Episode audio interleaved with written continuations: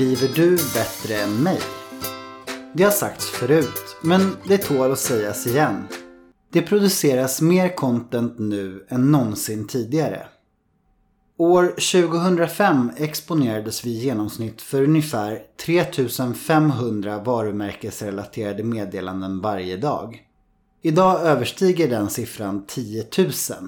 Det talas numera om content overload eller content shock. Vi kan helt enkelt inte ta in så många budskap under så kort tid. Det talas även mycket om bra och dåligt content och om detta skulle vi kunna skriva spaltmeter. Allt från hur en text skapar eller skadar förtroende till hur tonalitet och igenkänning påverkar hur en text uppfattas. Ett ämne som dock ofta hamnar bakvattnet men som faktiskt kan vara direkt avgörande för hur vi reagerar på det innehåll vi möts av är språket. Det kan många gånger vara skiljelinjen mellan vad som uppfattas som bra och dåligt. Med ett bristande språkbruk i ditt content går din trovärdighet förlorad och därmed möjligheten att nå fram med ditt budskap. Kunder väljer bort företag som skriver illa. Mängder av studier visar att texter med grammatiska felaktigheter eller skriv och stavfel påverkar hur ett företag uppfattas i högre grad än de flesta anar. En undersökning från Global Lingo visar exempelvis att 59% av alla tillfrågade inte skulle anlita ett företag vars sajt eller marknadsmaterial innehöll uppenbara grammatiska felaktigheter eller skrivfel. Betydelsen av ett första intryck ska inte underskattas eftersom det kan påverka ditt företags trovärdighet även på sikt.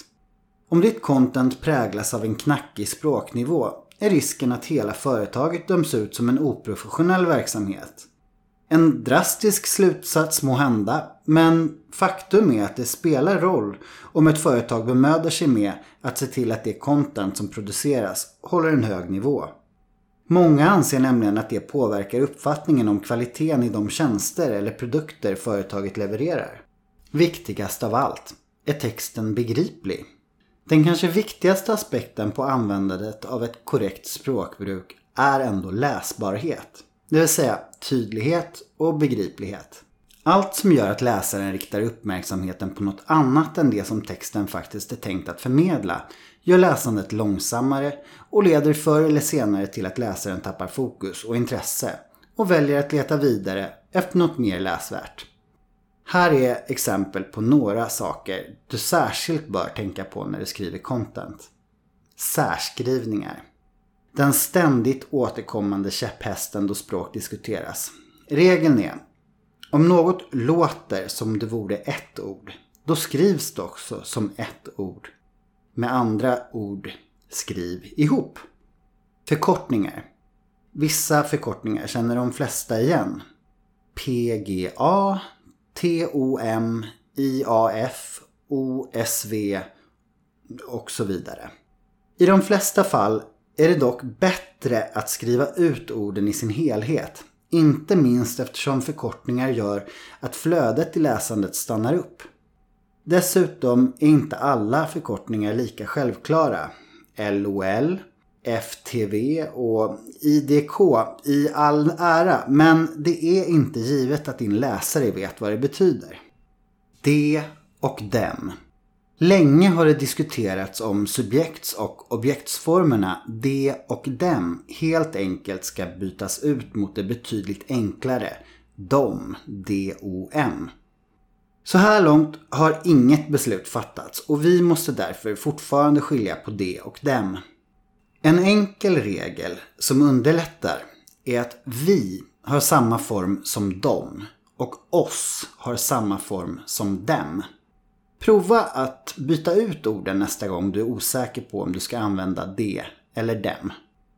Även syftningsfel kan göra det svårt att förstå vad som faktiskt sägs i texten. Och något så litet som avsaknaden av skiljetecken kan förändra betydelsen av en hel mening. Något som jag tänkte ex exemplifiera nu. Rubriken till den här bloggposten lyder Skriver du bättre än mig? En smått provokativ rubriksättning kan tyckas eftersom bättre än mig är just en sån där språklig felaktighet som får språkpoliser att slå på blåljuset och sirenen. Självklart valdes den felaktiga rubriken med omsorg. Just för att locka språkpolisernas intresse. Jag avrundar därför med den, tack vare ett antal skiljetecken, betydligt mindre provokativa frågan. Skriver du, kolon, citat, bättre än mig, slutcitat, frågetecken.